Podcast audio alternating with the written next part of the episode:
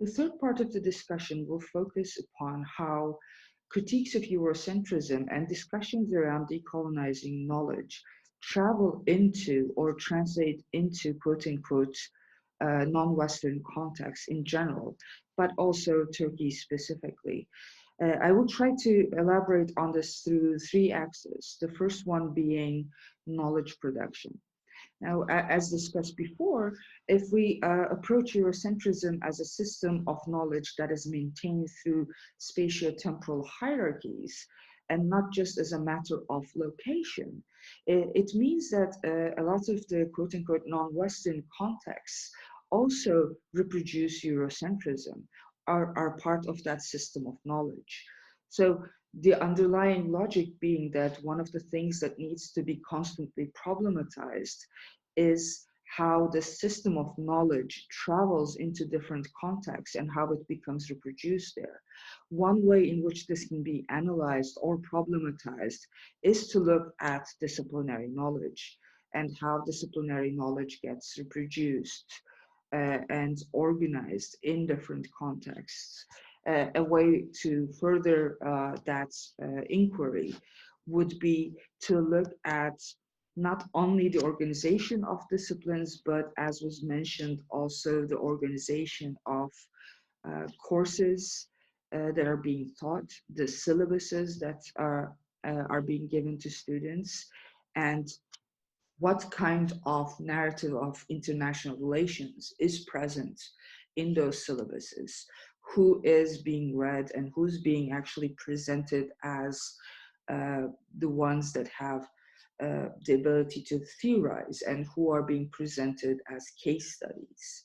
And those will tell us something about the, uh, how institutionalized the system of knowledge is and how then we have to sort of problematize it, not only within that constructed space of Europe, but also in different contexts as well.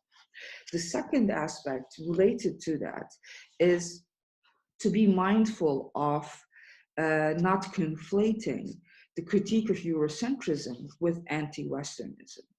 Uh, in a lot of uh, uh at present, uh, a critique of Western, critique of the West has become part of uh, the foreign policy discourse of uh, uh, a lot of nation states.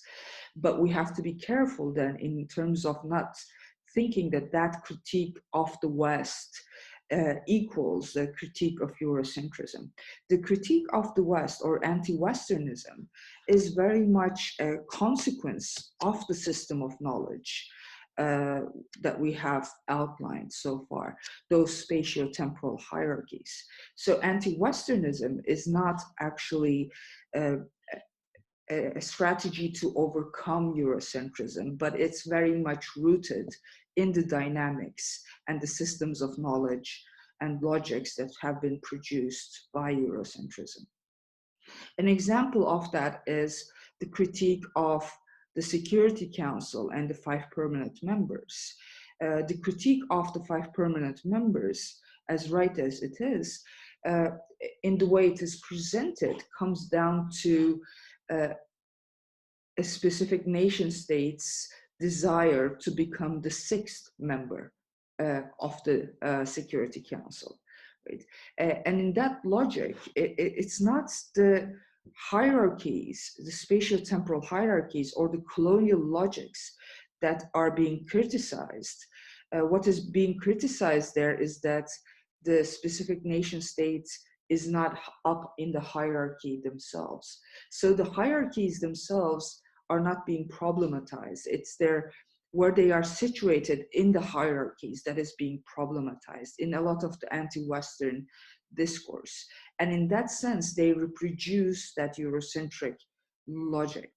Um, the third aspect to underline is then, uh, with all of these in mind, what does it mean to uh, do uh, in a sense, what does it mean to bring in quote unquote non-Western perspectives into IR? And one thing then to remember is this uh, uh, relationship between sameness and difference and the construction of authenticity that goes into it.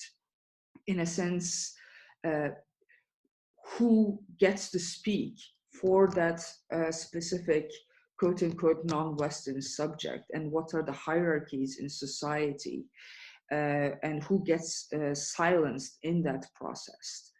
Uh, that becomes important. So what exactly is being brought into the analysis of international relations if it is just a matter of adding a non-Western perspective into international relations?